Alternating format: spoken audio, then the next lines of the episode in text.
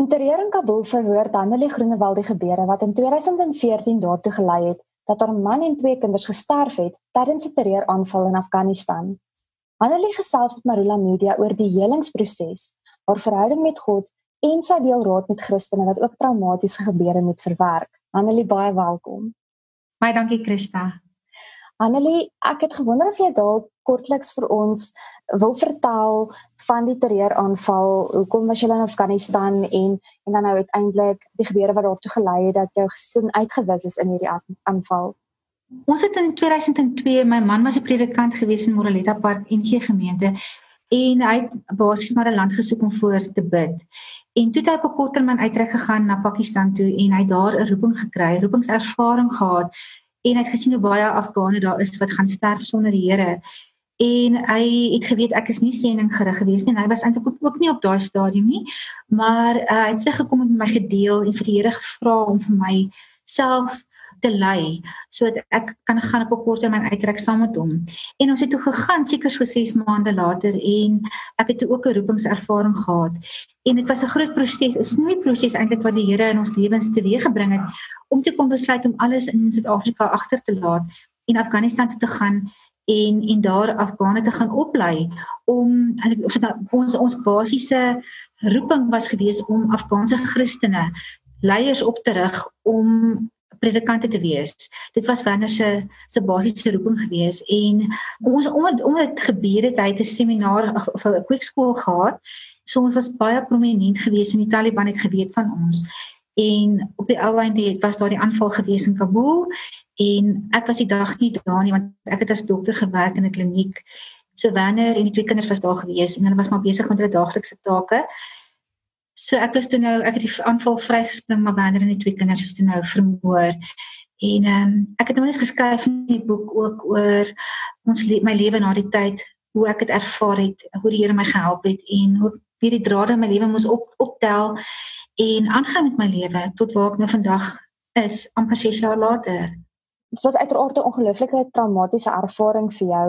Hoekom het jy toe besluit om 'n boek oor die gebeure te skryf? Weet jy, ek is nie 'n skryfster nie en ek het nie beplan om 'n boek te skryf nie. Ehm uh, maar soos wat ek genooi was deur gemeentes om te deel, my getuienis te deel, het ek besef daar's so baie mense wat diep geraak word deur ons getuienis. Ek was seker nie eers 2 maande terug in die land nie, toe het 'n Christelike uitgewer my gekontak en gevra om my storie neer te skryf en ek het gedoog, "Sjoe, dit is 'n bietjie vinnig. Ek het nie nog nie gedink eers aan so iets nie. Ek het nie gedink iemand sal ooit 'n storie wil skryf oor my oor my lewe nie." En ehm um, ek, ek was nog nie gereed op daai stadium nie. En seker toe so 6 maande later toe het ehm um, Lux Werby my gekontak en toe hulle ook my verhaal neergeskryf het. Het my gevra om 'n boek te skryf en toe ek besef, "Sjoe, okay, goed. Miskien is daar iets wat ek moet skryf." En ek het nog steeds nie regtig die guts gehad om te skryf nie, want ek nie weet hoe nie. So in 2015, 2016 het 'n span van Amerika af gekom waar ons vir Voice of the Martyrs 'n video gemaak het om die vervolgde kerk te help om gebede te bevorder vir die kerk. En uh, toe daai span het my nou oortuig om 'n boek te skryf en toe het ek begin stadig en seker begin en die boek geskryf en dit het nou maar die rou manuskrip basies voorgelê wat toe nou aanvaar is deur Lux Verbi en toe het hulle dit verder gevat. Wat het jy die meeste verras van die skryfproses want in die skryf van die boek het jy natuurlik die gebeure herleef en ek is ja. seker dit was ook dit was ook vir jou moeilik om weer so diep te delf en besonderhede te onthou van julle Bybel. Maar wat het jy die meeste verras? Weet jy, ek sou ek sê dit as jy daar was 'n verrassing geweest nie behalwe dit was deel van die helingsproses wat ek nie vooraf gedink het gaan gebeur nie. Maar as mense in gemeentes deel, dan gaan jy basies baie oppervlakkig. So jy gaan nie baie diep en jy ervaar nie baie emosie terwyl jy gesels nie want jy kan nie so diep delf nie. Maar toe ek die boek gaan skryf het moes ek regtig gaan sit en dink aan my my sintuie. Wat het ek geruik wat het ek gesien? Wat het ek gehoor? Wat het ek ervaar? En dit het baie diep emosie uitgelok en um, ek het daar regtig eintlik eers diep begin met my helingsproses omrede toe ek in Suid-Afrika aangekom het was ek so oorweldig gewees deur alles wat met my gebeur het en mense wat ek was oorweldig deur oorsee deur deur ehm um, maatskappy en almal wou gehad het ek moet deel word van hulle bediening. So ek het nooit regtig kon rustig raak om te begin rou nie. En die boek het my gehelp om te begin rou en om die proses te ervaar en te begin heel.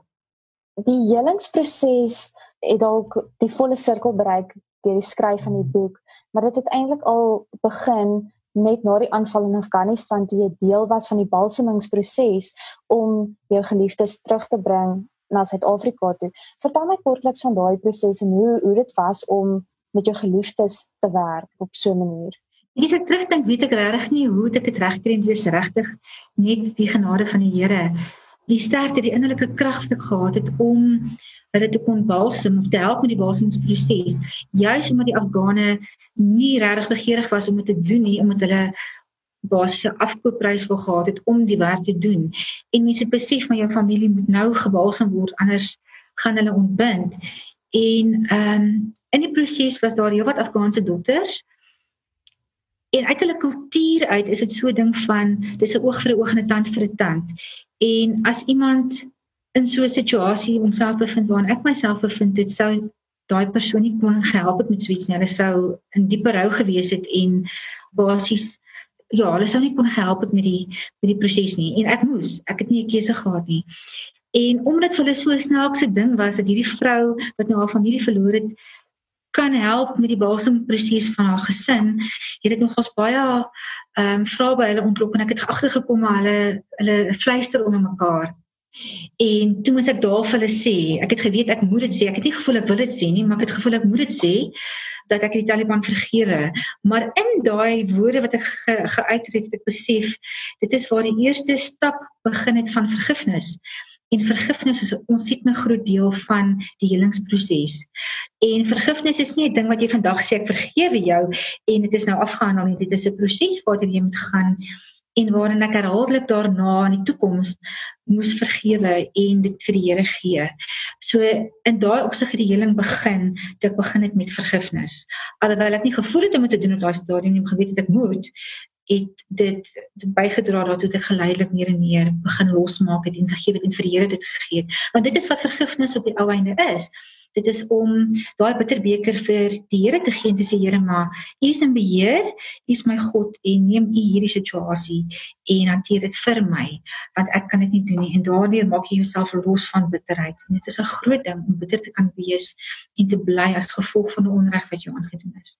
Maar buiten vir die vergifnis wat in daai in daai proses plaasgevind het of jy dit op daai stadium met oortuiging gesê het of die proses met oortuiging gedoen het soos wat jy nou net gesê het of nie dit het daar begin. Maar ek het ook gewonder of dit vir jou as ma en vrou van 'n huis erg was om nie daar tydens die aanval daar te wees om jou gesin te beskerm nie.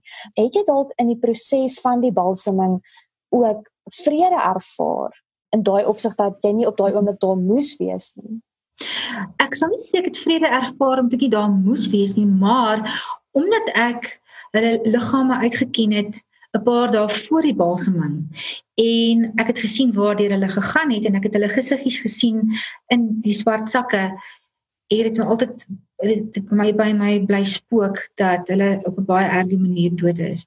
En ek glo nog steeds dat ek dink die Here het my na die basemingsproses toe of my daar ingesluit sodat ek kon sien maar weet jy hulle was so fyn geskied geweest dat hulle kon nie baie lank gesukkel het om dood te gaan nie. So ek dink dit was 'n baie baie vinnige proses eintlik geweest. Maar om net uit te gaan en die lyke te gaan uitken en te sien wat jy dan sien skrik jy jouself moeglam want jy het nie verwag om dit te sien nie. En dit het by my gespook en ek dink die Here het daai vreeslike las my skouers afgeneem toe ek by die basemingsproses kom wees en sien maar dit was eintlik vinnig. Dit is vinnig dood. Manlie, hoe maak mens vrede met God? Um ongeag wat hierdie uitkoms van jou lewe is, hoe het jou pad en jou verhouding met God ontwikkel sedertdien? Kyk Christa, ek moet eerlik vir jou sê dat ek het 'n baie diep verhouding met die Here gehad voor dit gebeur het en die sendingveld was 'n wonderlike tyd gewees vir my om my verhouding met die Here nog verder te kon bou omdat alles 'n snoeiproses was. En ek eintlik 'n sekulêre persoon was wat nou in 'n sendingveld geland het en daar was baie tyd vir aanbidding en ehm um, en, en om die Here te loof en prys. Ehm um, en ewe skielik staan ek alleen, my man en my kinders is weg en ek is in hierdie vreemde land. Ek is eerliks ek sê ek het my gevoel dit is my gevoel of my die lyn met God gesny was vir 'n tydperk. Ek kon nie bid nie, ek kon nie stilte tyd hou nie, ek kon nie Bybel lees nie. Dit is my gevoel of ek niks inneem nie. Dis of daar nie 'n koneksie is met die Here nie. En dit het 'n hele rukkie vir my geneem, ehm um, voordat my verhouding met die Here weer van so aard was. Ek sou sê okay, 'n paar maande, nie baie lank nie, maar dit was 'n paar maande voordat ek regtig voel ek goed ek voel ek kan weer stilte tyd hou en ehm um, en dit gaan ook daarin dat mens besef maar die Here is in beheer. Ek dink die groot kern van om so traumatiese gebeurtenisse te verwerk is jou siening van God. Want as jy nie regtig in jou hart glo dat God is 'n liefdevolle God en jou Vader en dat hy die beste vir jou in gedagte het. Ons gedagtes is nie sy gedagtes nie. So ons verstaan nie God glad nie in baie opsigte nie. En as jy nie net 'n stille aanvaarding het van wie God werklik is en ek is eintlik as 'n persoon as mens is ek niks op hierdie aarde nie. Ek kan nie vir ek God skuld my niks nie maar hy gee sy liefde en genade aan my. En as jy by daai punt kom waar jy sê Here nie my wil nie, maar u wil, u het toegelaat vir 'n rede en ek weet nie wat is dit nie, maar ek gaan hierdie pad saam met u stap en ek gaan gelowig bly. Ek gaan werk aan my verhouding met u. Ek gaan submit. Ek gaan my onderwerp aan dit wat u in my lewe toegelaat het. Dan gaan dit soveel makliker wees vir jou om om die pad te stap. En ek kan eerlikwaar sê My verhouding met die Here nou is anders as wat dit was toe ek in Afghanistan was as 'n sending, want daar was ek in 'n sending opset en vandag sit ek in 'n sekulêre opset. En ek het nie meer al daai tyd wat ek gehad het om by die Here se voete te spandeer. Ons die kerke is anders in Suid-Afrika as wat dit daar is, want jy's daar is verskillende mense uit verskillende denominasies saam wat aanbid. En jy leef en eet en drink God omdat jy in basies in 'n bubbel leef. En nou is ek blootgestel in Suid-Afrika weer in die sekulêre opset waar ek moet werk en elke dag 'n normale werk moet doen. Ehm um, en daar is nie so baie tyd om te aanbid nie, maar my verhouding met die Here het 'n ander dimensie aangeneem van ek het daar gedink in Afghanistan niks slegs gaan met ons gebeur nie want ons is mos nou God se kinders en sy sendelinge wat nou soontoe gegaan het ons gaan alright wees. En toe gebeur dit nie so nie. So nou is ek heeltemal half on, nie ontnigter nie maar ek dink nie meer dat niks slegs gaan met my gebeur nie. Enige iets kan met mens gebeur. Enige tyd maak nie saak wie jy is nie en hoe naby jy aan die Here is nie. So in daai opsig het my verhouding verander baie lief vir die Here en ek kan nie my werk doen elke dag sonder dat ek vir Here vra om my in die praktyk te lei en wysheid te gee nie. En dit is regtig wat ek doen. My hele lewe is oorgegee aan die Here, maar ek is ook ehm um, bewus daarvan dat enigiets slegs kan ook met jou gebeur al is jy 'n goeie mens en al het jy 'n wonderlike verhouding met die Here. Annelie, ek kan ook help om te wonder of jy weer sendingwerk sal gaan doen nie want natuurlik sendingwerk in Afghanistan was 'n hoofstuk in jou lewe wat ongelukkig op 'n tragiese noot geëindig het. Maar beteken dit dat dit sendingwerk ook deel is van 'n hoofstuk wat afgesluit is of sal jy dit weer gaan doen? Dit hang af wat jy bedoel met sendingwerk want daar's verskillende tipe sendingwerk. Sendingwerk kan jy as 'n sendeling doen wat wat 'n ondersteuning kry en na 'n land toe gaan soos die eindes van die wêreld, uh, Judea, Samaria en eindes van die wêreld of jy kan dit hier in Suid-Afrika doen en dis wat ek voel nou op hierdie stadium waar ek nou is. Ek doen nog steeds sieningwerk. Elke dag in my beroep as 'n mediese dokter en daar's pasiënte wat voor my sit en hulle kry swaar ek is nie skaam om vir hulle te vra het jy verhouding met die Here? Ken jy die Here nie? Ehm um, en ek sal kortliks vir hulle die evangelie deel as daar tyd is. Ehm um, of as ek sien hulle is oop daarvoor. So my sieningveld het net geskuif van daar af na hier. En waar ek in Afghanistan basies sieningwerk gedoen het in terme van ek was ondersteunend as 'n ondersteunende ehm um, persoon daar gewees om wanneer te help om sy bediening aan die gang te hou.